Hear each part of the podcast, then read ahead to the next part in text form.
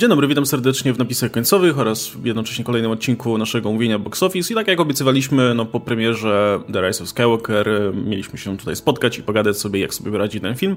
E, no i niniejszym mamy okazję i problem jest taki, że tak jak w przypadku Króla Lwa, to jest ten jeden z tych filmów, gdzie trudno powiedzieć coś jednoznacznego o tym box office, bo z jednej strony, znaczy to może właśnie jeszcze przytoczę same liczby, żebyśmy mieli to odhaczone. W tym momencie, a nagrywamy ten materiał e, w poniedziałek 6 stycznia, e, no film zmierza już, w zasadzie jest na ostatniej prostej, żeby, żeby dojść do tego miliarda dolarów, którego się wszyscy spodziewali.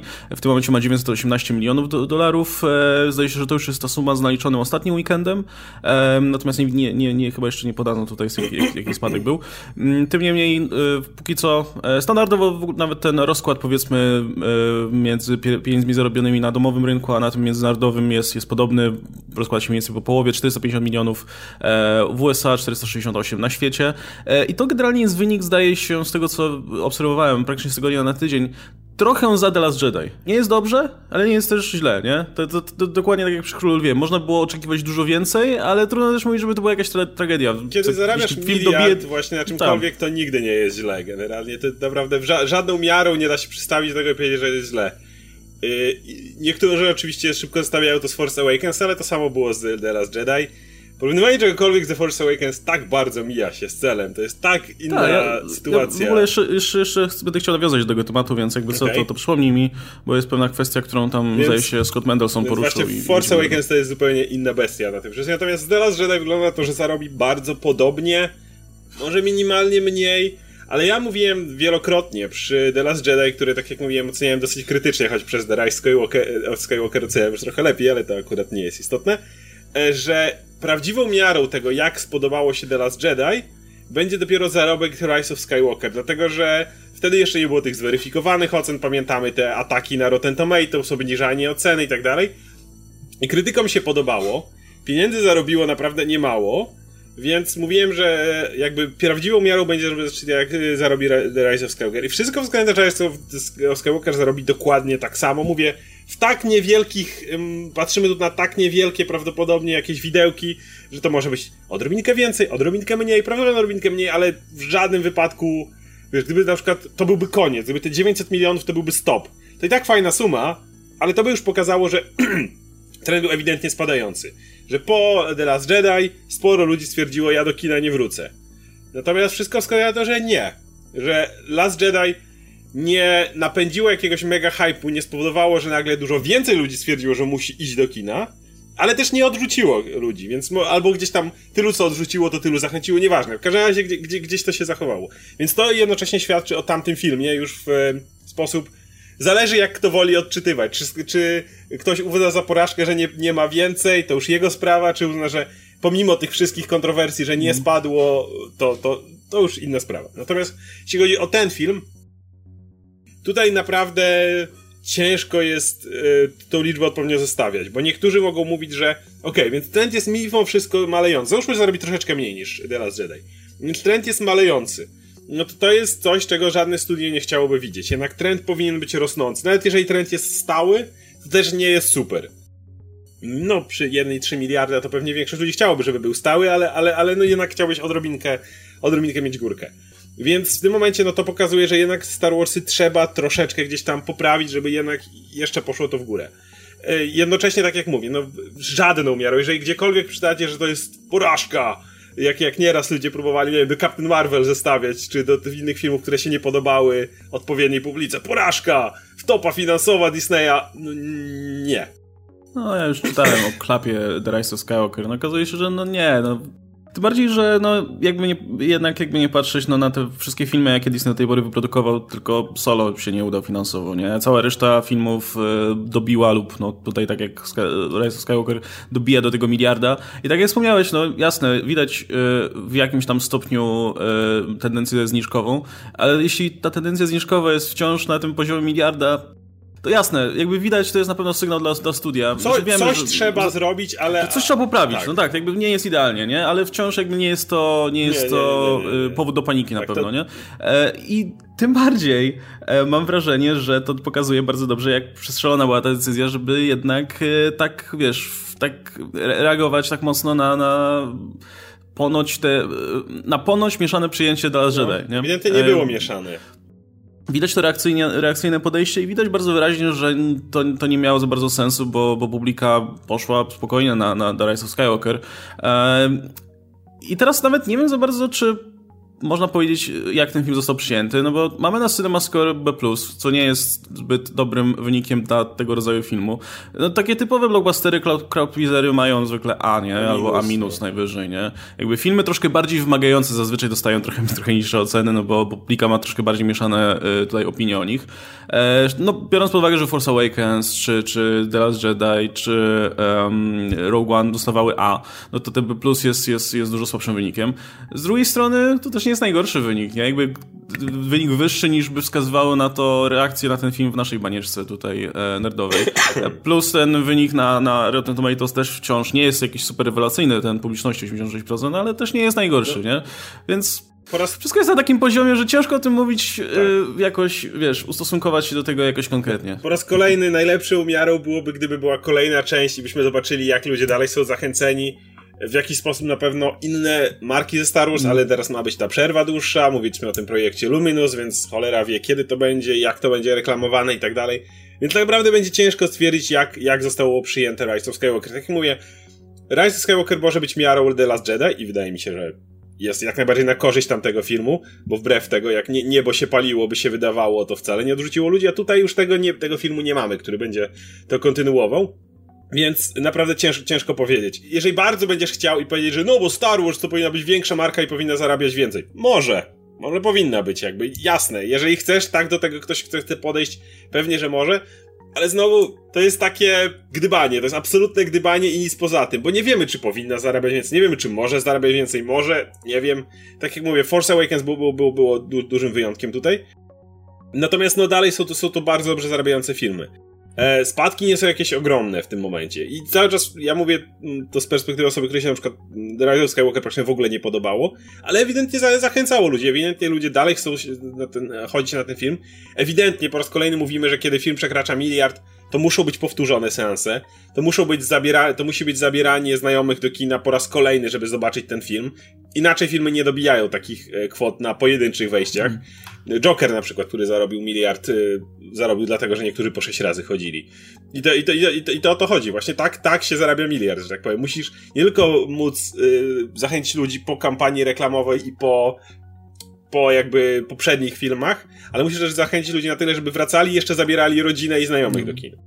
E, więc ewidentnie to działa. Bo ina inaczej takich pieniędzy nie było. Mi film może się nie podobać, ale podoba się wystarczającej ilości osób, żeby chciała, chciała to go dalej promować w ten sposób. No więc jakby tutaj studio może być zadowolone. Tak jak powiedzieliśmy, może są to znaki do tego, żeby coś tam poprawić i ewidentnie studio chce to poprawić, ale to jest powinna być nauczka po raz kolejny, że jeżeli naprawdę jest ym, głośne krzyczenie i e, naprawdę, naprawdę głośny taki atak, je, tu zniszczono Star Wars, w ogóle co to ma być?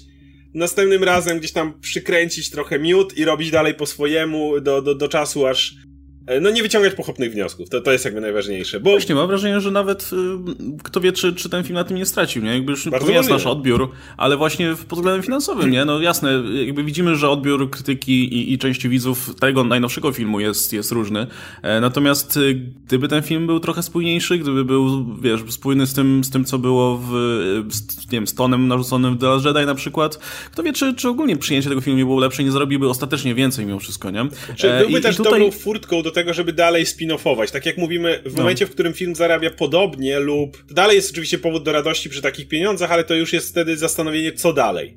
Natomiast gdyby to podkręcić i opinie byłyby super i ten film dalej by był i zarobiłby na przykład odrobinkę więcej, no to w tym momencie nie byłoby pytania, co dalej, bo wtedy wiedzielibyśmy, co robić dalej i Project Lumens może by powstał, może gdzieś nie, nie wiemy dalej, czy to jest na pewno, ale, ale pewnie już byśmy słyszeli o jakiejś próbie kontynuacji. Natomiast mm ten, ten ruch prawdopodobnie mógł troszeczkę mm, ostudzić tutaj zapał i, i zatrzymać pewne ruchy. No i tutaj, mm, cytując, jak, jak pamiętamy, teraz wszyscy oczywiście się powołują na Henry'ego Cavilla, który mówi, że nie, nie, fandom nie jest toxic, jest passionate. No jeżeli doprowadzę, mamy, mamy tego typu decyzje podejmowane przez studio, które y, wynika z dużej ilości krzyczenia, które jak się okazuje bardzo małej i nieznaczącej na, dużą, na dłuższą miarę grupy, bo mówię, ciężko powiedzieć, że, że, że miała jakikolwiek wpływ na ten film, no to, to, to jednak jest coś w tym złego. Tak, no i wspomniałeś właśnie o Force Awakens i, i tym, jak e, nieporównywalnie duży wynik wykręcił tamten film w porównaniu do, do, do Last Jedi, czy teraz Rise of Skywalker. E, I dziennikarz Forbesa, Scott Pendelson, który często pisze o office i, i, i filmów, e, wysunął taką dosyć ciekawą tezę, że być może problemem w tym kontekście dla Disneya było trochę przeszacowanie właśnie możliwości marki Star Wars właśnie na bazie tego, ile The Force Awakens zrobiło. Mhm. Jakby eventowość tamtego filmu była tak. dużo większa niż każdego kolejnego później e, i być może po prostu w Disneyu e, ludzie na górze stwierdzili, ok, w takim razie to jest potencjał Gwiezdnych Wojen, więc w momencie, w którym potem mamy kolejny film, na przykład e, The Last Jedi, który zarabia jednak mniej, Potem mamy Solo, który no też tutaj nie zarabia zbyt dobrze w ogóle i, i to też e, pojawiały się też głosy, że być może też kwestia tego, że, że publika nie zaakceptowała The Last Jedi. Um, moim zdaniem to bzdura, ale no umówmy się, to też, też jest publika jakiś argument. nie zaakceptowała Solo. To jest, to jest jakby ważne. Jakby no, ten, no, ja, ja nikt nie chciał nie? tego filmu i no, y, no i teraz masz, y, i do tego była oczywiście ta cała, ta cała atmosfera tutaj krytyki tego filmu, więc najwyraźniej ktoś, ktoś w Disneyu, nie wiem, Alan Horbo, Biger, ktokolwiek stwierdził, że kurczę, no to wróćmy w takim razie do tego, co działało przy The Force Awakens, to znowu będziemy zarabiać, kurczę, dużo większe pieniądze, nie? No okazuje się, że jednak nie, że to, że nie, nie w tym rzecz zupełnie.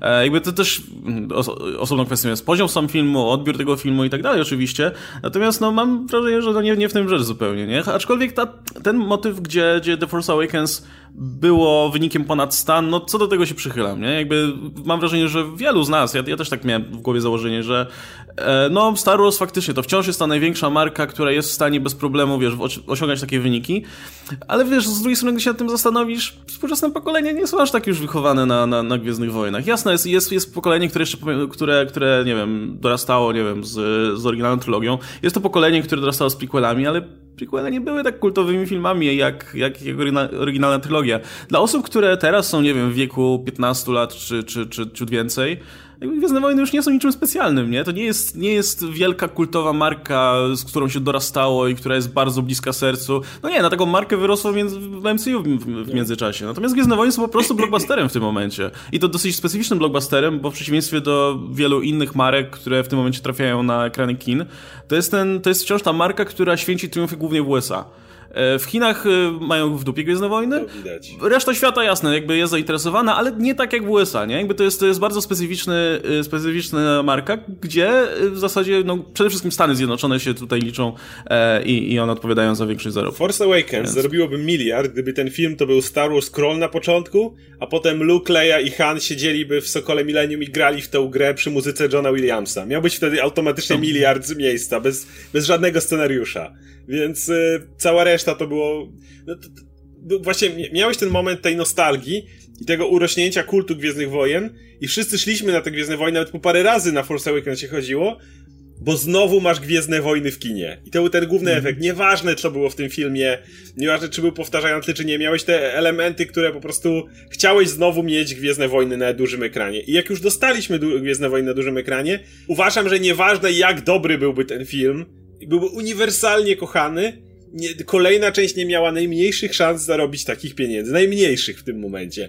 Może gdyby nie, nie, nie, nie, nie spotkał się z tą krytyką powtór, powtórności i tak dalej, to by zarobił więcej, ale może nie. Może wtedy ludzie uznają, że to nie są Gwiezdne Wojny, które znają i kochają i na kolejny film poszłoby jeszcze mniej ludzi.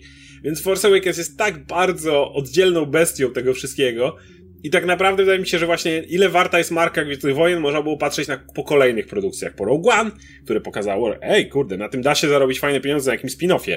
Jeżeli ktoś uważa, że miliard Rogue One to jest słabo jak na Gwiezdne Wojny, to powinien jeszcze raz sprawdzić przy spin-offie de facto, gdzie na dobrą sprawę trailery nie reklamowały ci żadną znajomą postacią poza mignięciem Vadera dosłownie. No, no, no, tak to wygląda. Plus, no ja mówiłem o tym ostatnio i powtarzam po raz kolejny, Wydaje mi się, że też cała kampania Gwiezdnych Wojen była błędna. Późniejsza. Bo yy, i, może się wiązać z tym dokładnie, o czym powiedziałeś, yy, co Scott Mendelson napisał, że po Force Awakens Disney tak bardzo zachłysnął się Gwiezdnymi Wojnami, że uznaje, że to jest taki kurde po prostu obiekt uświęcony uwielbienia że, i takiego kultu, że zaczęto to tak traktować. I kolejne filmy, yy, na przykład The Last Jedi, wydaje mi się, że w żaden sposób nie zachęcały widza, który do tej pory nie wskoczył na ten wagonik. I, I, tak jak mówisz, całe pokolenie, które nie było aż tak zainteresowane Gwiezdnymi Wojnami, wydaje mi się, że żaden z tych trailerów do żadnego z filmów nie mówił ci, ej, zobacz te Gwiezdne Wojny, nie znałeś ich do tej pory, ale wskocz tutaj, naprawdę warto zobaczyć. One wszystkie były skrojone tylko i wyłącznie pod tą wielką nostalgię, która, jak wiemy, ma swoje tak zwane diminishing returns. Każdy następny próba uderzenia w tą samą nostalgię będzie się miała coraz mniejsze zwroty. I wydaje mi się, że cała kampania była też y, przestrzelona i mam nadzieję, że to się poprawi, bo naprawdę, jak się okazuje, Gwiezdne Wojny nie są aż takim takim uderzeniem. I tak jak jeszcze zaznaczasz, gdyby y, Disney wydaje mi się, że popełnił tutaj błąd na, na miarę tego, co gdyby przy um, Endgame teraz, które wyszło, uznał, że od tej pory każdy film Avengers powinien zarabiać takie same pieniądze jak Endgame. Nie? Mm, Kiedy, tak. I że MCU, które było teraz na tej fali rosnącej, teraz po Endgame Black Widow czy Eternals jak nie zarobią po miliard, to jest wtopa finansowa. To jest mniej więcej to założenie. Kiedy nie, jakby mądrze wiedzieć o tym, kiedy są, y, kiedy mamy te właśnie pik, kiedy doszliśmy do pewnego punktu, a kiedy trzeba się spodziewać jednak troszeczkę mniejszych przychodów. I Disney według mnie strasznie przestrzelił. E, ja, ja powiem szczerze, że ja miałem trochę, trzymałem trochę kciuki e, na, za, na, za tym, że no ten film będzie miał większy problem, żeby do tego miliarda dobić mimo wszystko. Głównie dlatego, że no, dobry wynik finansowy tego filmu pokaże nam w zasadzie bardzo wyraźnie, że to kupczenie nostalgią jest e, skutecznym sposobem e, promowania filmu. Tylko, że no, liczą jednocześnie na to, że, że, w, że w Disneyu czy w Lucasfilmie wiedzą o tym, że to jest jednak krót, krótkoterminowe zagranie, nie? W momencie, w którym chcieli jeszcze jakoś wypchnąć ten ostatni film i, i postawić wszystko na jedną kartę tutaj, okej. Okay. Natomiast podejrzewam, że no, bardzo szybko by się to jednak odwróciło od nich zupełnie, nie? Już, yy, tym bardziej, że Widać, widać wyraźnie po, po też, też po wyniku tego filmu, nie? że jakby sama marka Gwiezdnych Wojen wciąż jednak no, ma jakieś znaczenie. Nie? W przypadku Solo to było trochę in, inaczej, no bo był to jednak spin-off. Natomiast kiedy mówimy o sadze, jeszcze sporo osób było zainteresowanych. Teraz, kiedy skończyliśmy tę sagę i mamy, mamy dostać jakieś kolejne filmy, no wydaje mi się, że, że, że, że Star Wars stoją teraz na tej, tej pozycji, że faktycznie muszą spróbować czegoś nowego Już i jakiś nowy rejon. I tak budować, tak, ale budować coś, coś zupełnie, zupełnie od nowa, no bo to jest, jakby wciąż jest w tym potencjał ogromny. Wciąż można budować coś nowego. E, wciąż można w tym, w tym nowym wrzucić odpowiednio dużo znajomych elementów, żeby nikt się nie, nie, nie poczuł wyalienowany z, z tej starej gwardii jak, jak my ale jednocześnie no, to, to, to musi być koniec generalnie, wiesz, y, tego jechania na recyklingu rzeczy, które już doskonale znamy. Nie? Tutaj popełnili właśnie te błędy, że nie ustawili tego tak, żeby móc zarabiać kolejne pieniążki pod, yy, no. z, z, tego konkretnej rzeczy, ale właśnie a propos tego kupczenia nostalgią, to działa i to będzie działać zawsze, pod warunkiem, że nie próbujesz cały czas nawoływać do tej samej nostalgii. Bo jeżeli robisz to cały czas w kółko, to to przestaje być nostalgia siłą rzeczy. Skoro zaczynasz mieć Hanna Solo i Luka Skywalkera już tutaj, to nagle ludzie przestają za nimi tęsknić, bo już ich mają. Więc jeżeli dalej będziesz próbował odwoływać się, a pamiętacie, jak oni fajnie robili coś, to nagle przestanie działać. E, Disney będzie używał te, tych myków non-stop i to widać przy animacjach i za każdym razem, kiedy walisz w kolejną animację, to działa, dlatego że to był kolejny okres, Ktoś ma inne wspomnienia z Aladynem, ktoś ma inne wspomnienia z Królem Lwem, ktoś ma inne wspomnienia z Małą Syrenką czy czymś innym i to be, i będą na, nad tym działać, bo to będzie za każdym razem działało. Ale jeżeli spróbujesz jeszcze raz uderzyć w nostalgię Króla Lwa w tym momencie, to już nie zadziała, bo już jej nie ma w, te, w takiej sile, bo Król Lew dopiero co był. I ze Star Warsami jest dokładnie tak samo. Przy Force Awakens nie było, wszystkich złapałeś, natomiast przy kolejnych filmach, no sorry, już Star Warsy wróciły. Nie możesz już jechać na, na, na, na powtórce. I wydaje mi się, że gdzieś tam ktoś tego nie zauważył po drodze. Jak jesteśmy przy Star Warsach, no to wypadałoby to też to odnieść generalnie do sukcesu Disneya w, tym, e, w zeszłym roku. Deadline przygotowało całkiem fajne zestawienie, gdzie, gdzie podlicza, podliczyli większość tych najważniejszych liczb, e, jakie donotował Disney w tym roku. W ogóle zastanawiałem się, czy nie zrobić właśnie w tym odcinku jakiegoś generalnie podsumowania czy omówienia box w tym roku, ale to myślę, że to i tak by się sprowadziło do wyliczania sukcesów Disneya. Disneya bo to ten, ten rok, chociaż jasne, były też e, inne, jakby inne wytwórnie również miały swoje sukcesy, tak? Warner miał swojego Jokera, Sony miał swojego Spidermana i tak dalej, no ale to, to, to się mimo wszystko wciąż czy to nie jest tak przypadkiem, że teraz w tym momencie Disney, jakby mm, procent rynku yy, należący do Disneya jest większy niż pozostałe wytwórni? W tym roku? W tym roku tak. No, no właśnie. Mo, mo, może no, w kolejnym to... już tak nie będzie, bo jakby to warto zaznaczyć, kiedy mówimy o sukcesach Disneya, to warto powiedzieć, że to był bardzo wyjątkowy rok. To nie jest tak, że Disney teraz po prostu urósł do, do miana takiego, takiej, takiej super korporacji. Oczywiście są nią, ale jeżeli patrząc na ten rok, to tak jakby patrzeć na Force Awakens, o którym mówiliśmy przed chwilą w kontekście wszystkich Gwiezdnych Wojen. Gwiezdne Wojny są dużą marką, ale nie są na miarę Force Awakens. Ten rok Disneya jest wyjątkowy. W kolejnych latach nie będziesz miał w jednym roku Endgame, Króla Lwa i e, Star Wars. E, o innych miliardowych produkcjach e, jeszcze, jeszcze nie wspominając, bo jest tego więcej w tym roku, ale już te trzy są mocne. Do tego było oczywiście Captain Marvel i tak dalej, ale, ale no nie będziesz miał, miał, miał takich molochów w jednym roku, więc yy, mając na uwadze to, jak duży zrobił się Disney w tym roku, miejcie na uwadze również, że to nie jest reguła, to jest wyjątek. E, w tym, podliczając zeszły rok, e, licząc zarówno zarobki Foxa, jak i, jak i Disneya łącznie, e, no to filmy zarobiły 13, e, ile? 13 miliardów dolarów, 151 milionów. Natomiast y, no, nie, oficjalnie nie liczy się Foxa, no bo ta, ten merger miał miejsce oficjalnie dopiero w, tym, w zeszłym roku, więc y, licząc tylko i wyłącznie Disneya, no to jest ponad 11 miliardów, e, co bije w ogóle poprzedni rekord, e, który był na e, poziomie ilu? Um, sześciu czy siedmiu. E, e, e, teraz sobie zerknę. O, 7, 7 miliardów w, ustanowiony w 2016 roku. No, więc i, i to to jest jednocześnie rekord na rynkach, na rynku domowym, rekord na rynku yy, światowym, wiadomo, nie? No i jednocześnie mamy też przy okazji sześć filmów, e, które, które przekroczyły tutaj e, ten miliard e, dolarów. No i tak jak wspomniałeś, no wiadomo, nie, nie w każdym roku się będzie trafiać Endgame, czy, czy, czy Król Lew, czy, czy Frozen czy 2. Kolejny czy, Star Wars, czy, czy Captain Marvel, Star Wars, nie? bo Black Widow raczej nie zarobi takich pieniędzy jak Captain Marvel. No, no nie, znaczy ja jestem, wiesz, jestem pewien, że w najbliższych latach w każdym roku Disney będzie miał jakiś taki film, który będzie totalnym pewniakiem do do tego, nie? Wydaje mi się, że w przyszłym roku będzie to Mulan, za dwa lata będziemy mogli mówić o tych, pewnie Thor 4 będzie miała na to szansę, pewnie y, Mała Syrenka będzie miała na to szansę, nie? Um, Ale nie potem dojdą nam jakieś... Filmów. Tak, potem jeszcze będziemy, mm, potem będziemy mieli przecież jeszcze te rzeczy, e, będziemy mieli Awatara na przykład, nie? Zobaczymy jak to wyjdzie. E, jest, jestem przekonany, że w każdym roku będzie przynajmniej jeden, dwa filmy takie, które będą mogły się ubiegać o ten miliard tak po prostu z, z marszu, e, no ale takiego roku, gdzie, gdzie to byłoby tak skompresowane jak, jak, jak w tym, e, no, no już nie będzie.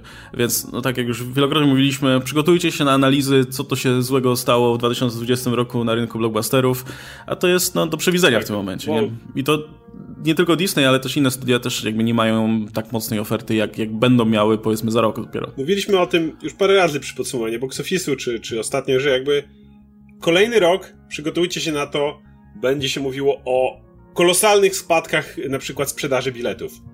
Dlatego, że y, y, bilety, sprzedaż biletów spada z roku na rok. W każdym roku, od, nie pamiętam już 2011 czy coś w tym rodzaju, naprawdę od wielu lat nie zanotowano ani razu wzrostu sprzedaży biletów do poprzedniego roku. Oczywiście w 2019 sprzedano dużo więcej biletów, szczególnie zgadnijcie w którym okresie, e, niż w roku poprzednim. Pierwszy raz zanotowano wzrost. Więc e, nie sądzę, żeby to była tendencja. Nie sądzę, żeby to było teraz, że nagle ludzie tłumnie wracają do kin. Po prostu no. były wyjątkowe sytuacje.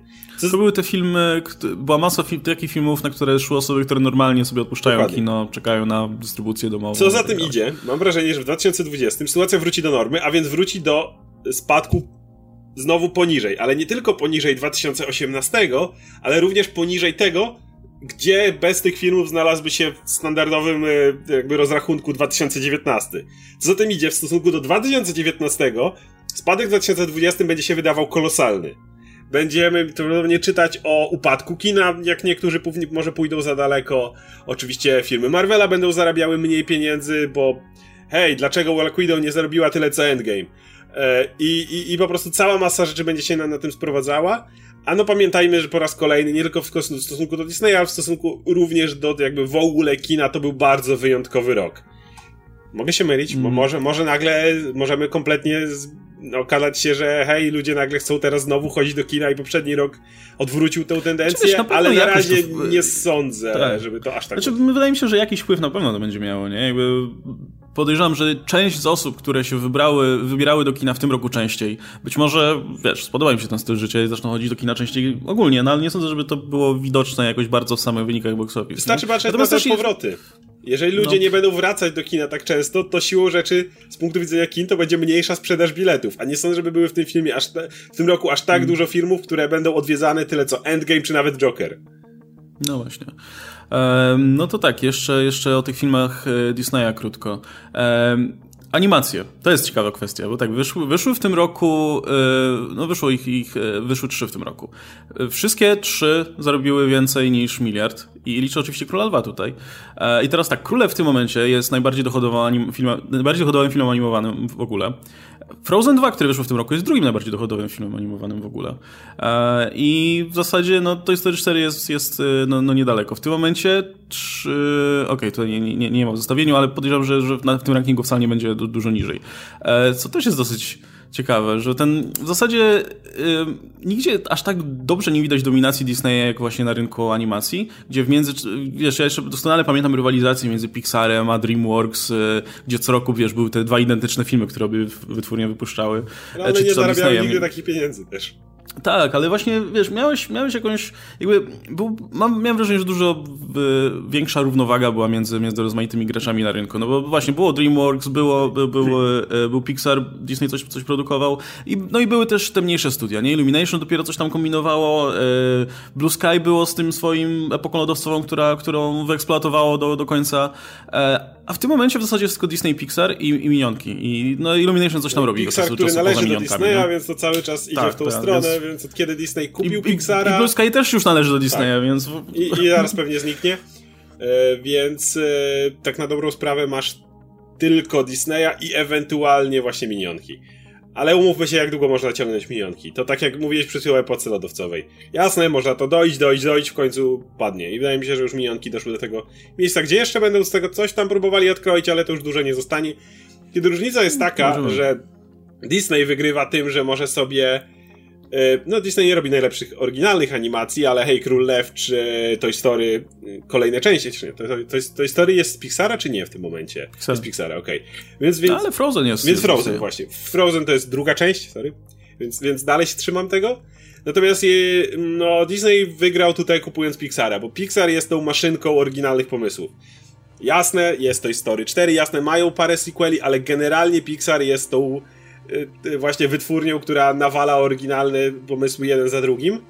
I nie było nigdy w historii kina chyba czegoś takiego jak Pixar. I właśnie Disney to absolutnie wszystko zwojował. W tym roku będziesz, będziemy mieć e, Onwards, Onward, który mhm. prawdopodobnie zarobi miliard, bo to jest taka typowa rodzinna przygoda, która, która zachęci masy ludzi do kin. I będzie Soul, który może miliarda nie zarobić, ale to dalej jest film Pixara, więc dalej zarobi kupę pieniędzy. I różnica polega właśnie na tym, że e, minionki może dojść do pewnego momentu.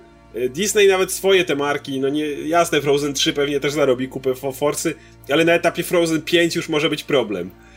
Natomiast e, w... Wtedy już będą remake'ować live action. Wtedy już trzeba będzie robić live action, dokładnie. Natomiast jeśli chodzi o Pixara, no to wygląda też, że to jest niekończąca się taka taśma, która cały czas wystrzeliwuje nowe pomysły, które non-stop się przyjmują.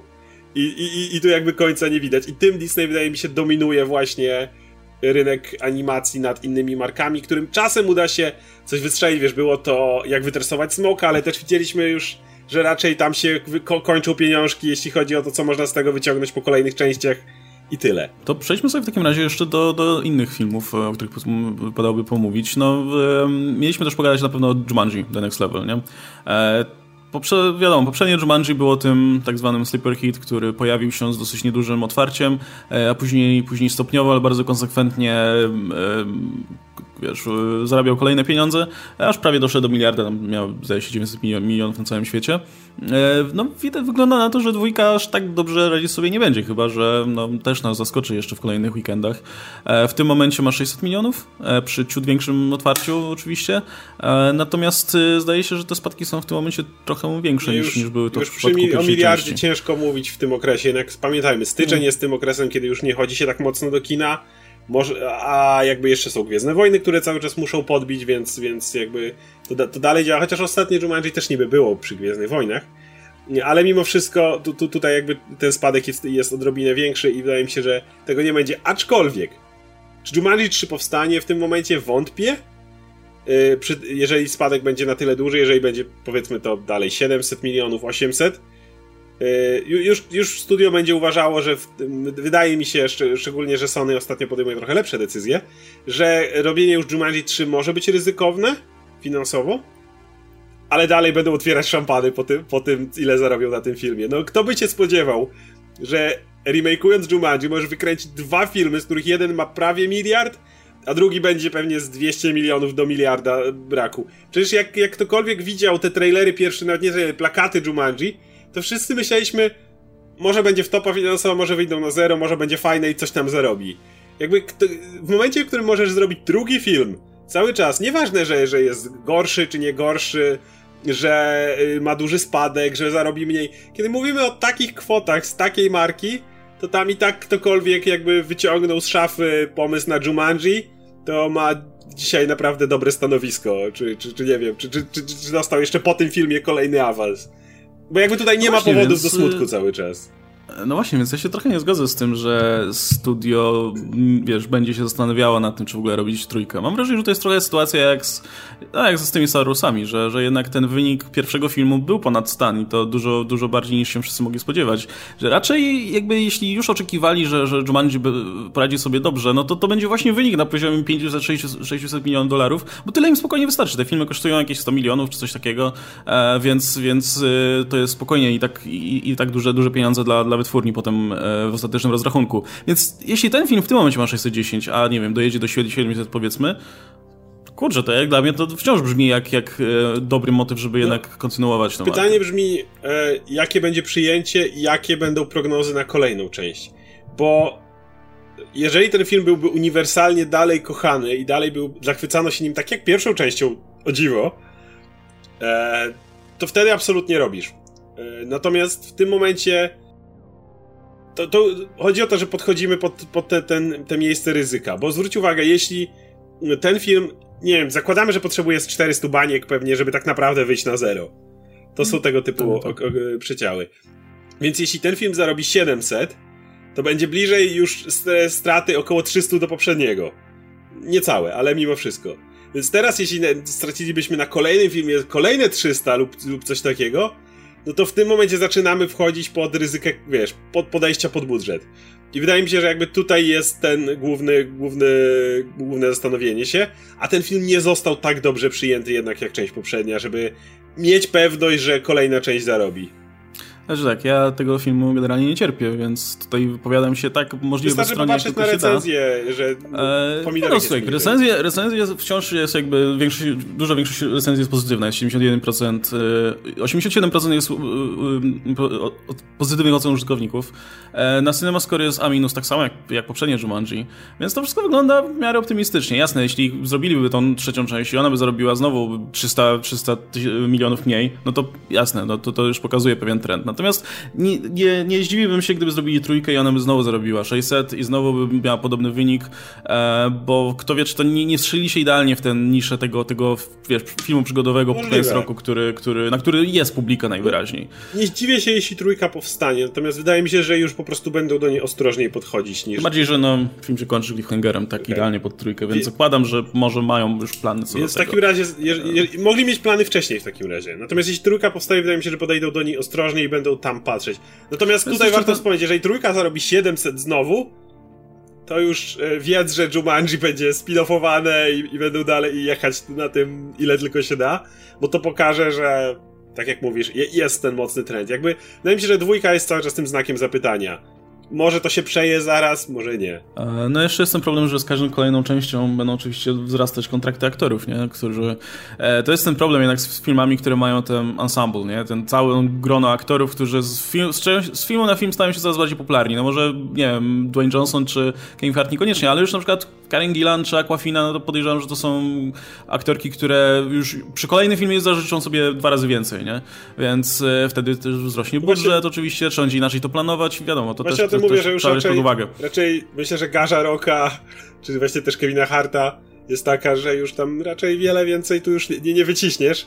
E, ciekawi mnie, skoro wspomniałeś o tych budżetach, jak jest z Jackiem Blackiem, który do... Na tym etapie nie powiedziałbym, że byłby najjaś, najjaśniej świecącą gwiazdą w Hollywood, no a nagle, wiesz, w Jumanji znowu miał, zaliczył tak. powrót, więc... No, no. No właśnie, więc, y, ale wiadomo co się robi w takim wypadku, nie? Robi się trzy części z tymi znanymi aktorami, a później czwartą część robi z nowymi, no bo już za, drogi, za, za, za drodzy są. I później... Nie no, płacisz wtedy, wtedy wydajesz na jednego, wtedy wydajesz tylko na The bo jest najbardziej tutaj przygalny. Może Karen Gillan, nie więcej, żeby jakoś balans, a resztę wywalasz. Okej, okay, to, y, to pomówmy o porażkach. Koty. E, wspominałem chyba to ostatnio przy, przy naszym y, którymś z. E, chyba przy naszym właśnie oczekiwaniach na przyszły rok, że jest naprawdę niewiele takich filmów, które wydają mi się przegranym pomysłem już na samym starcie. E, I koty takim były. Już pamiętam, że od samego startu, jak tylko usłyszałem, chyba na, na, na tym festiwalu, tak? Na jak się to nazywało? Mm, na tym festiwalu dla tych właścicieli kin. Cinema, coś tam. No nieważne. W każdym razie, tam, było, tam był pokazywany jakiś fragment making of, bo oni się nie wyrobili z trailerem, czy czymś pokazywali, jak, jak robiono te koty. E, to nie wyszło nigdy za, poza, poza uczestników tej, tej, tej imprezy. Natomiast jak przeczytałem opis, że to mają być ludzie w wielkości kotów, e, z e, humanoidalni zupełnie, ale z kocimi tutaj cechami, to pomyślałem sobie, kurczę, jaki koszmar, to nie ma szans wyjść. No i proszę bardzo, no nie wyszło. Film, który ma w tym prawie 100 milionów dolarów budżetu, samego oczywiście produkcyjnego, jeszcze jest, jeszcze jest marketing, e, w tym momencie ma po ilu weekendach? E, po trzech weekendach ma 57 milionów na całym świecie. I e, to już... Patrzę, jakby in release jest dwa weekendy, 17 dni. W momencie, na, kiedy mm. na mhm. Box Office Mojo patrzę, no to dwa weekendy. Chyba, że zliczony no, li... jest ten kolejny, ale to... Już jest liczony, ta, ten trzeci, trzeci piąty. I okay. ten trzeci, piąty estimates jest 2 miliony w... No, na, nie, żeby to robiło wielką różnicę. No nie, wiadomo, muzykale mają to do siebie, że bardzo często jakby mają długie nogi. Greatest Showman był tym przykładem, nie, że też pojawił się znikąd. Wydawało się, że będzie e... finansowo przez długi czas. Tak, miał małe, bardzo małe otwarcie, później sobie radził tak sobie, a potem nagle, wiesz, wydaje mi się, że po prostu generalnie ten film się podobał ludziom, tak, i zaczęli sobie go, go polecać e, i z, z, weekendu na weekend zaczął, zaczął to nabierać rozpędu i ostatecznie zaliczył naprawdę dobry wynik. Nie sądzę, żeby tak było z kotami, bo nie sądzę, żeby, żeby znalazło się też dużo osób, które by były w stanie ten z czystym, z prostą twarzą ten film komukolwiek polecać, nieironicznie. No Więc, niestety, um... plus y, no, nawet, nawet jeśli chodzi o piosenki z musicalu, one też nie są jakoś wyjątkowo, nie poleciały wiralowo, to nie jest tak, że jakby w musicalach to jest bardzo ważne, żeby ta jedna piosenka, która, która jest znana, wiadomo, musical Koty jest znany od lat, ale w tym konkretnym wykonaniu, żeby ta jedna piosenka gdzieś powiedzmy złapała to, ta, to tarcie, gdzieś, gdzieś w internecie poszło, z kotami tak nie ma, więc nawet to tego nie ratuje, kiedy wszystkie inne recenzje i wszystko, co się da, mówią, że ten film jest niewarty generalnie niczego. Więc to będzie prawdopodobnie największa wtopa finansowa jeszcze 2019 roku. E, nie wyobrażam sobie, żeby coś mogło to przebić w tym momencie, jeśli chodzi o stratę pieniędzy przy tym budżecie.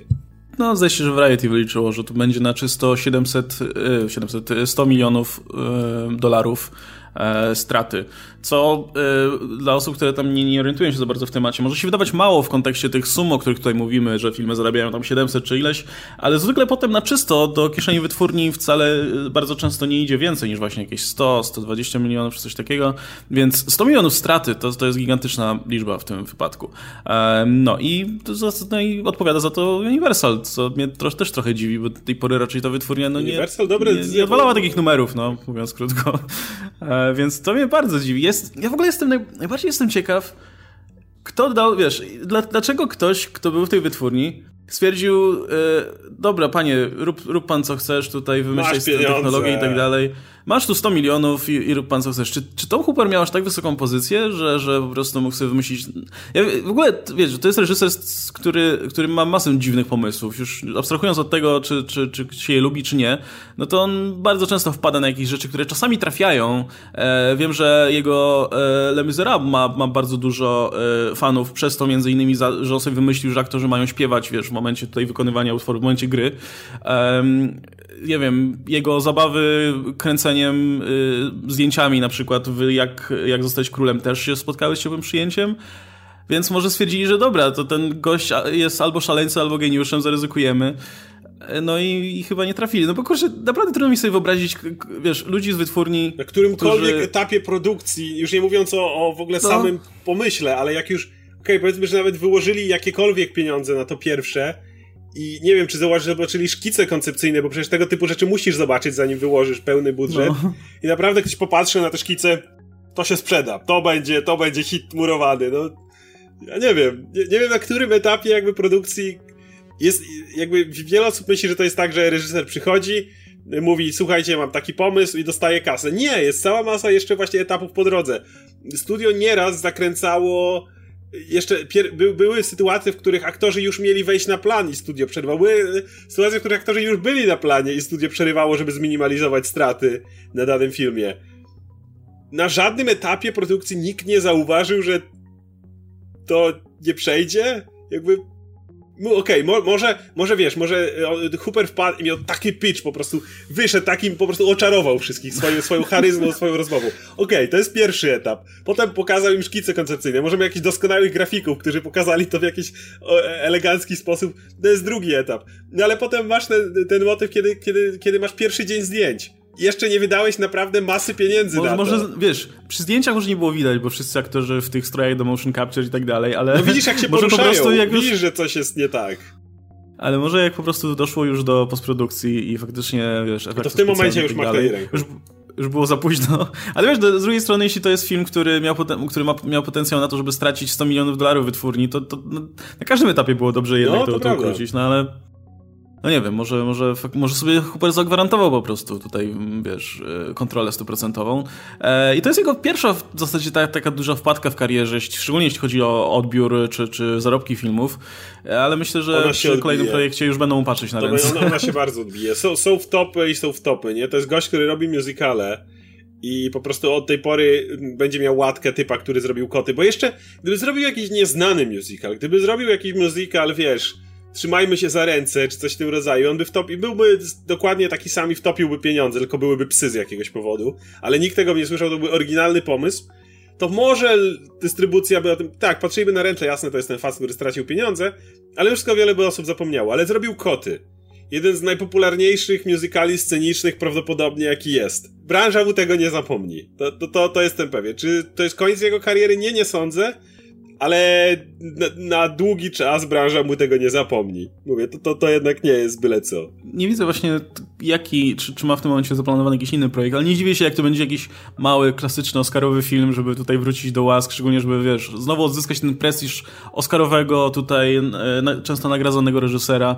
Um, swoją drogą to generalnie nie jest dobry rok dla Toma Hoopera. To jego y, His Dark Materials, ten serial HBO, którym też maczał palce, bo tam reżyserował, zdaje się, parę odcinków, też trochę przeszedł bez echa mimo wszystko. No, i... na tle innych seriali może, może w złym no. okresie się wstrzelił, bo wszyscy gadali tylko o Mandalorianie no. i Wiedźminie teraz nagle, a, a His Dark Materials przeleciało bez echa trochę. No zobaczymy. No nic, w każdym razie no, w przyszłym roku będzie In the Heights, będzie e, West Side Story o Spielberga, jestem ciekaw jak te musicale sobie poradzą. Ja mam wrażenie, że jest nisza na to, żeby był właśnie jeden, dwa musicale w ciągu roku, no, ale no nie takie jak koty, nie? Wydaje mi się, wydaje mi się że, że właśnie y, najlepszą opcją jest jed, jednak dobrą opcją będzie próba trochę współcześnienia mimo wszystko tych, tych musicali. Nie? Zresztą Greatest Showman był dosyć klasycznym musicalem w swojej formie, ale, ale miał te piosenki, które były bardzo klasyczne. tak, takie bardzo przystępne, powiedział mało musicalowe i to myślę, że to dużo, dużo wygrało, bo sporo osób słuchało po prostu tych piosenek i wybrało się potem do kina, żeby zobaczyć w jakim kontekście one występują w filmie. Plus e, jedna no. rzecz jeszcze, wydaje mi się, że lwia część e, publiki pod musicale nie chce zbyt dziwnych filmów. Jeżeli popatrzysz na to, jakie. Właśnie Greatest Showman, to masz y, Hugh Jackmana od, odpicowanego, masz Zacka Efrona, masz Zendaya i tak dalej. Y, chcesz, żeby te filmy były trochę cieplejsze, że tak powiem. Kiedyś na, na studiach miałem, e, właśnie o, o, od filmoznawstwa miałem e, profesora, który mówił, że musicale to jest tylko ta bita śmietanka z góry po prostu. On nazywał, że to jest just a whipped cream i, i nic więcej. I jakby jasne, w Les się spodobało, jeśli chodzi o adaptację również, ale generalnie, jeżeli popatrzysz na to, jakie muzykale zarabiają dużo pieniędzy, na jakie muzykale ludzie lubią chodzić, to są jednak te mocno feel-good movies. To są te filmy, gdzie się po, po, pośpiewać razem, w głowie lub głośno, gdzieś też pójść, no dlaczego Disney tak e, swoimi animacjami kosi, gdzie ma te znane piosenki, gdzie był Król Lew, gdzie miałeś Piękną i Bestię, no to Aladyna ostatnio. Ludzie uwielbiają tego typu rzeczy. Mama Mia, przecież kolejna część, która nie miała. Widzisz sobie, to nie powinno powstać, ale powstało i zarobiło dalej ogromne pieniądze, bo ludzie uwielbiają tego typu musicale. Nie robisz musicali e, kinowych, na których ludzie idą i patrząc na to czują się nieswojo. To już jest ten pierwszy moment, który, no nie po... musicale nie powinny być dziwne. Możesz robić całą masę innych filmów, jakichś dramatów, jakichś psychologicznych, dziwnych podejść, które są dziwne, gdzie ludzie biorą różnego rodzaju substancje i potem mają różnego rodzaju wizje, ale musicale powinny być, no mówię, bardzo, bardzo takie feel, feel good. Nie no, wiesz, jest cała sekcja tych takich dziwnych musicali, e, które się mocno wyróżniają, od Rocky Horror Picture Show po Phantom of the Paradise, tylko że to są nisz, niszowe rzeczy dla bardzo niszowego odbiorcy, nie coś, co powinno kosztować, wiesz, 100 no, milionów dolarów, mówię, nie? I być dla, dla szerokiej publiki. Wyjątkiem, Więc no. musicalu, który ja absolutnie nienawidzę, ale taki, który może nie był feel good przez cały czas trwania, to był na przykład Chicago. Nie, to, yy, czy, czy ale już na przykład Moulin Rouge, które, które ja z kolei uwielbiam, które było też niby miał, jest tam dramat, tragedia ostatecznie, ale większość tego filmu to ludzie się uśmiechają i wszystko wychodzi fajnie i biedny gość dostaje karierę i w ogóle, wiesz, tak, miało niby smutne zakończenie, ale większość filmu jest, wszyscy się śmieją i jest zabawnie i jest wesoło. Hmm. I kolorowo. I nie czujesz tego właśnie takiego no, dziwności, kiedy to oglądasz. Nie, nie czujesz te, te, tego, tego, tego dysonansu. E, a, no, tak jak mówisz, e, Rocky Horror Picture Show. Gdyby e, jakaś adaptacja współczesna zarobiła za te pieniądze 57 milionów, no to, to byłbyś hit. To byłoby super. Przy tych pieniądzach, które, to by super. No, no. nie kiedy robisz za 100 milionów film. Wtedy, no, nie możesz sobie na to pozwolić. Ludzie chcą iść do kina i się dobrze bawić przy piosenkach. No, a nie oglądać te, Jezu, te abominacje tańczące na scenie. E, Okej, okay, dobra, e, to tak. E, zajrzyjmy sobie w takim razie, co, co też wyszło w ogóle w tym tygodniu, w tym Czy, ostatnim Ja jeszcze chciałem się odnieść, bo to, jest, to się wiąże okay. z czymś, o czym może pogadamy, o Knives Out. Bo właśnie dostaliśmy informację o tym, że będzie sequel. E, mhm. I no, ciężko się dziwić, że będzie sequel, patrząc na to, że ten film przy budżecie 40 milionów ma obecnie prawie 250 na koncie. Jasne, w ramach blockbusterów i przed chwilą omawianych miliard, miliard to nie jest dużo, ale w ramach małego, reżyserskiego kompletnie filmu detektywistycznego takie pieniądze przy takim budżecie to jest kolos po prostu. Więc tak, nie dziwnego, że idą w sequel. Wiesz, Wiesz, że marketing nie kosztował jakoś przesadnie dużo. Plus większość tych, tego, no nie duża większość, ale mniej więcej połowa, troszkę więcej niż połowa tego, te, tego zarobku to są przychody z USA, więc to jest ten, wiecie, więcej pieniędzy z biletów, stabilniejszy rynek. Wiesz, że jak zrobisz sequel, to tam się to Plus w USA się to sprzeda znowu. Zrobiłeś nie? jeszcze bardzo wyrazistych bohaterów. Więc jak masz mieć sequel, gdzie masz Daniela Krega, który ma być y, tym bardziej, teraz bardziej głównym bohaterem niż w tym filmie, to wiesz, że ludzie pójdą zobaczyć dalej Benoit Blanca, który będzie chciał no. jego, jego zbrodni, rozwiązywanie zbrodni, dlatego że właśnie udało się to ustalić. I to, to jest ten, tego typu film, który y, wiele ludzi tego nie łapie, bo myśli, że jakby musi być miliard. Nie, właśnie tego typu marka to jest coś, o co studia walczą najbardziej. Oryginalna marka, która ma potencjał na franczyzę. To jest po prostu najlepsza rzecz, jaką studio może dostać y, w, w tym momencie. I wydaje mi się, że naprawdę nie można nie doceniać tutaj e, sukcesu tego no filmu. I oryginalny film. O tym mówię. Jasne że, jasne, że wyraźnie inspirowany tutaj e, klasyczną, klasyczną formą filmową, ale jakby nie patrzeć, nowa marka. O tym mówię, która, ma, która może się rozwinąć na kolejne części. No, no właśnie. Zło, złoto. Coś, co mnie zaciekawiło.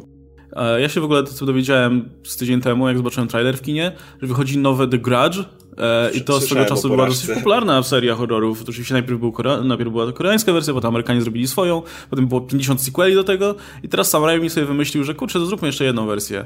E, I to jest chyba ten jeden, rzadki przykład horroru, który ma szansę się nie zwrócić. Tak. Bo e, Pomimo tego, że jest tani. Tak, 10 milionów dolarów budżetu i pewnie drugie tyle na, na, na promocję.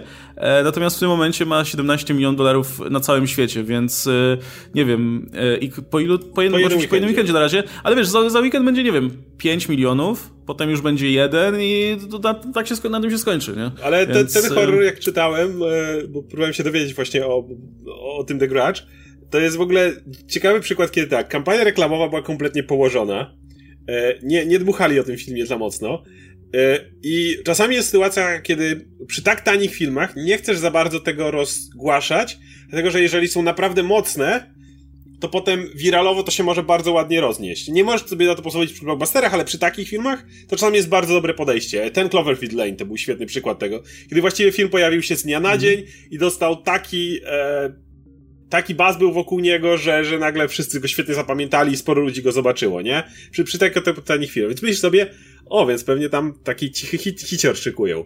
A potem wyszły recenzje.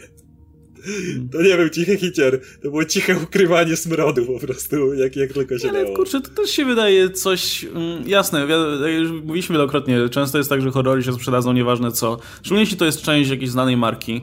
Ale moda na te, moda na te azjatyckie horrory skończyła się tak dawno temu, ja, że ja, na tym ja, etapie, jak się pojawi, pojawił nowy gracz, to ja sobie myślę, co? W no. sensie, co się, co się wydarzyło? W sensie, jakieś wprowadzają znowu tę oryginalną część, czy co?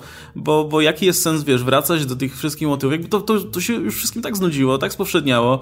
Ta, ta seria miała, kurczę, ile tam, cztery chyba części, czy coś takiego, e, a to jest kontynuacja, trochę spin-off, bo trochę jakby inne postacie, ten sam demon i tak dalej nie wiem, to, to jest kompletnie przestrzelony pomysł i, i, trochę szkoda, że stoi za nim Sam Raimi, bo miałem nadzieję, że jednak ma w głowie jakieś ciekawsze pomysły, jak już chce coś produkować. Może niech, może nie wiem, niech, e, niech się dogada znowu z Fede Alvarezem i zrobią jakiś, jakąś, jakieś martwe zło, bo no nie wygląda to dobrze. Zresztą to chyba ma jakieś, um, jakąś niezbyt dobrą ocenę na, na CinemaScore z tego co kojarzę. To, niko, to nikomu się nie podoba. Nawet na, na Rotten Tomatoes masz... E... O jest, F. No, A, ale to nie koniec, nie koniec, bo chcę powiedzieć bardzo, bardzo ciekawą rzecz. Jak, jak wiecie, na Rotten Tomatoes są teraz weryfikowane oceny, więc y, często ta ocena publiczności jest jednak dosyć wysoka w porównaniu do, do krytyków.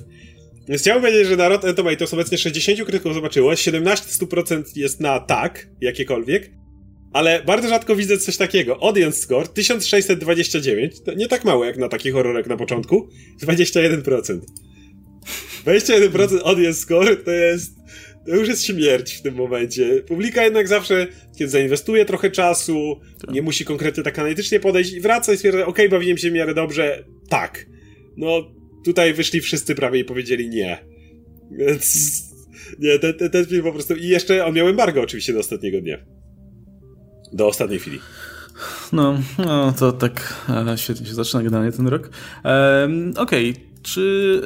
E, znaczy, jeszcze, jeszcze ciekawostek, co ciekawe, e, gwiazda Clint'a Eastwooda powoli przygasa tutaj na, na naszych oczach, bo każdy kolejny jego film spotyka się z coraz mniejszym zainteresowaniem i teraz ten nowy, który wyszedł, Richard Jewell, w zasadzie nikogo za bardzo nie obszedł i jest jeden z najgorzej w ogóle mm.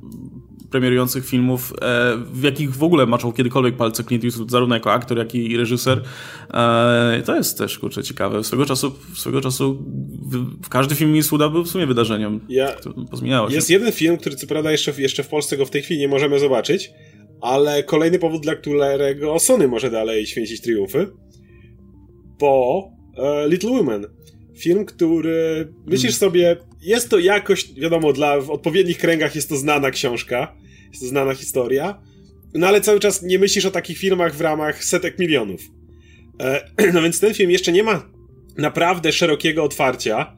E, jest napisane, że widest release to jest 3,3 tysiąca kin i w tym momencie ma na świecie 80 milionów zarobku.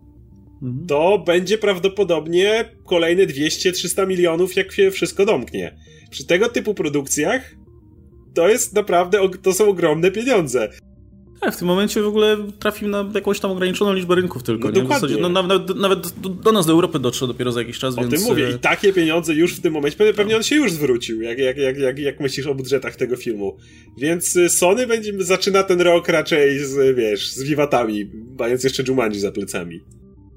No i to cieszy, bo też yy, fajnie wygląda obsada. To są w, w, większości popularni młodzi aktorzy, nie? którzy mają już całą karierę przed sobą. Ehm, cieszy to, że, wie, że reżyserką jest Greta Gerwig, której też mocno kibicuję. E, I bardzo fajnie. E, budżet tego filmu to 40 milionów, całkiem no to sporo. Już właściwie jest, jest to już właściwie wychodzi, nie? A, a, wiesz, że to... Ale najwyraźniej warto było zainwestować. Nawet, wiesz, jak, jak na taki film to są całkiem spore pieniądze, tak. nie? Ale, ale najwyraźniej dobrze, dobrze ulokowane. Nie, w obsada kosztowała sporo. Ale, ale hmm. znowu warto. I mówię, to będzie film, który, który będzie, wydaje mi się, podobny. Zresztą ma dokładnie ten sam budżet co Knives Out i myślę, że będzie podobny sukces co Knives Out właśnie. No. No, wygląda, wygląda bardzo fajnie. No dobra. E, I jeszcze co chciałem. Aha, e, czyli co, co, co wkrótce przed nami. E, myślę, że z takich filmów, na które czekamy najbardziej, jeśli chodzi o ich wyniki finansowe, jestem ciekaw, jak sobie do Little poradzi. No, bo... na razie są już pierwsze prognozy i one nie są dobre. 25-45 tutaj według Box Office Pro milionów, więc nie, to nie, nie, nie jeszcze najgorzej, ale no, w porównaniu do budżetu tego filmu to nie, niezbyt. 45 nie brzmi tak źle, 25 brzmi źle. To... No już, już źle. No ale to ponownie, to też to jest jeden z tych filmów, o których chyba nikt się niczego wielkiego nie spodziewa. Nie? Jakby Masz wrażenie, że on wychodzi, bo wychodzi. No. Nie było żadnego celu, który by tutaj przyświecał. Nie? No bo Downey Jr. chce zagrać w czymś, czym nie jest Tonym Starkiem, tylko że dalej jest. Mhm. E, pojawiła się też prognoza długoterminowa na temat Birds of Prey, które no już w lutym wychodzi za miesiąc. E, I tutaj Box Office Pro podaje 40-60, a celują w 49. Przy tego typu filmie to nie będzie złe. To jest bardzo spoko. Znaczy, jasne, to budżet tego filmu trochę podrósł w międzyczasie, jak tam zaczęli, e, chcieli dopakować akcją trzeci akt i trzeba było robić dokrętki i tak dalej, ale wydaje mi się, że wciąż, jeśli, jeśli takie będzie otwarcie i faktycznie wcelują tutaj poda tutaj Box Office Pro podaje, że w USA celują 125 milionów, pewnie na świecie, nie wiem, jeśli w, w, ten, ciut więcej. Jeśli ten film się przyjmie, w sensie będzie całkiem lubiany, to zwróć uwagę, że jeśli chodzi o kino superbohaterskie, to do Maja praktycznie nie ma konkurencji. Więc to jest film, który spokojnie może mieć bardzo długie nogi, jeżeli, jeżeli oczywiście się przyjmie. Więc jeżeli otworzą się pod 50 milionami, to wydaje mi się, że spokojnie to jest szansa na nawet jeśli nie super hicior, to chociażby mogliby mieć z tego drugiego Shazama. A na tym etapie, kiedy trzeba trochę podreperować pewną postać, która pojawiła się w tym filmie po nieudanym wizerunku w innym filmie, to myślę, że za kolejnego Shazama to by tam podziękowali. No, ale wiesz, z drugiej strony, wiesz, że postać taka jak Harley Quinn to jest postać, którą warto zainwestować, nie? Bo kto wie, czy, czy jeśli nie chwyci, to to nie będzie jedna z, wiesz, bardziej popularnych postaci dla tego uniwersum. Um, no dobra, i ostatnia rzecz, jeśli, o, o, której chcę powiedzieć, czyli jeden z najbardziej przeze mnie w ogóle oczekiwanych filmów w przyszłym roku, The Invisible Man od Blumhouse. I to jest specyficzny film dla, dla studia Blumhouse, bo jest drogi. Kosztuje 50 milionów dolarów więc, yy, więc widać, że tutaj dużo sobie obiecuje po tym, po tym e, filmie Jason Blum. E, no ale też jakby dużo świadczy o tym, że to wyjdzie z tego coś dobrego, no bo Lee Wanell jest, jest bardzo fajnym reżyserem, to jest najgorszy od Upgrade, chociażby długoletni współpracownik Jamesa Wana. E, on też pisał scenariusz, długoletni współpracownik Jamesa Wana, jeśli chodzi o scenariusze również, e, te wszystkie Insidious i tak dalej, no to, to jego robota. E, no i główną rolę gra Elizabeth Moss, która no, wyrobiła sobie nazwisko na opowieści podręczne między innymi. No i tutaj ten tracking, który pokazuje Box Office Pro zapowiada się też całkiem optymistycznie, bo oni tutaj otwarcie przewidują na 20-40 milionów, wynik w USA 60-105, więc y, jeśli łącznie zarobią ponad te 150, y, koło 200, a myślę, że są na to szanse, to będzie ok. E, I to jest ciekawe, bo to jest troszkę już ryzykowne podejście, no. ale najwyraźniej, najwyraźniej wierzą tutaj w, w um, Blumhouse, w potwory Uniwersalu. W tym momencie może to być jakiś, może takie badanie wód, że tak powiem, bardziej ryzykowne. Invisible Man zarobi i może się okazać, że właśnie z tego Dark Universe, które miało być w innej wersji, e, to nagle Blumhouse przejmie i zaczną robić właśnie e, swoje, i to będzie ich uniwersum, które będzie e, ich tymi najdroższymi filmami. Nie, nie wierzę, że Blumhouse zrezygnuje ze swoich 20-milionowych, 15-milionowych horrorów, to, to, są te, to są te droższe. To są te droższe, oczywiście. To są te droższe. Tak, tak, tak, tak. Natomiast e, nie, nie wierzę, że, że zrezygnuję w ogóle z tej, z tej, tej produkcji. Natomiast kto wie, może stwierdzili, że czas sięgnąć po większe pieniądze i może, może to, to, to, to będzie te hmm. badanie gruntu. Jeżeli to się przyjmie, kto wie, czy nie dostaniemy nowego wilkołaka na przykład i to takiego już konkretnego wilkołaka na przykład. E, z mumią myślę, warto poczekać chwilę, natomiast z innymi rzeczami, kto wie. E, no właśnie, nie no, ja tak patrzę w ogóle po tych budżetach, którzy, które oni tutaj mają e, i no, to, to będzie chyba ich najdroższy film w ogóle do tej tak pory. wygląda. E, no, więc y, no, okej. Okay. E, nie wiem, jak te, jak te kolejne zapowiedziane, bo tutaj mają całkiem sporo też filmów, e, które dopiero będą robić. No podejrzewam, że nie wiem, e, Halloween kolejny dostanie pewnie większy budżet niż poprzednie, nie? No bo film był sukcesem. Nie wiem, Fantasy Island, które robią z, razem z Sony, też się wydaje, Ale to wydaje jest, filmem. Jak Sony płaci też, to może być więcej, nie? No, nie jest wiesz, w ewentualnych droższych Tak, znaczy w ewentualnych droższych filmach być może też Universal się dokłada do tego, nie? Więc um, jeśli mają współpracę, e, Universal to potem dystrybuuje. No ale to jest też ciekawa droga, nie? Najwyraźniej stwierdzili, że warto spróbować też. Nie, nie, nie no trzeba bo w potworach Uniwersala jest jednak ogromny potencjał. To, że Mumia i inne próby to za, kompletnie zapluły, były ten wilkołak straszny z Benicio del Toro na przykład, tego typu rzeczy, to nie znaczy, że trzeba postawić na tym kreskę. Jakby mhm. mieliśmy całą masę tych nieudolnych potworów, no ale teraz jest na przykład Dracula BBC, który zbiera bardzo dobre recenzje, więc to jest kolejny jakby z y, okolicznych potworów, który, który, który nadaje się do tego. Więc wydaje mi się, że y, właśnie celowanie w te potwory, to, to chyba ty o tym mówiłeś od lat, że zamiast robić z Mumi blockbuster za pierdyliard milionów, to właśnie podejść do tego w ten bardziej kameralny, ale, ale nie przesadzajmy, bo 50 milionów to nie jest już kameralne studio, to, to wydaje mi się może być trafione i kto wie, czy, czy niedługo to się nie rozrusza, a patrząc na to, ile było rebootów i remake'ów tego udanych i nieudanych, no to widać, że to, to, są, to są marki, których y, Universal nie odpuści. To nie są marki, które Universal stwierdzi, żeby im przeleżały przez kolejne 10 lat. Słuchaj, co, właśnie co 10 lat robią jakieś filmy z tym i one, wiesz, zawsze się Robią zawsze częściej, jakoś tam, jeżeli liczysz no. wszystkie potwory. No. No właśnie, więc yy, i... Co 10 lat to jasne. robią nową mumię.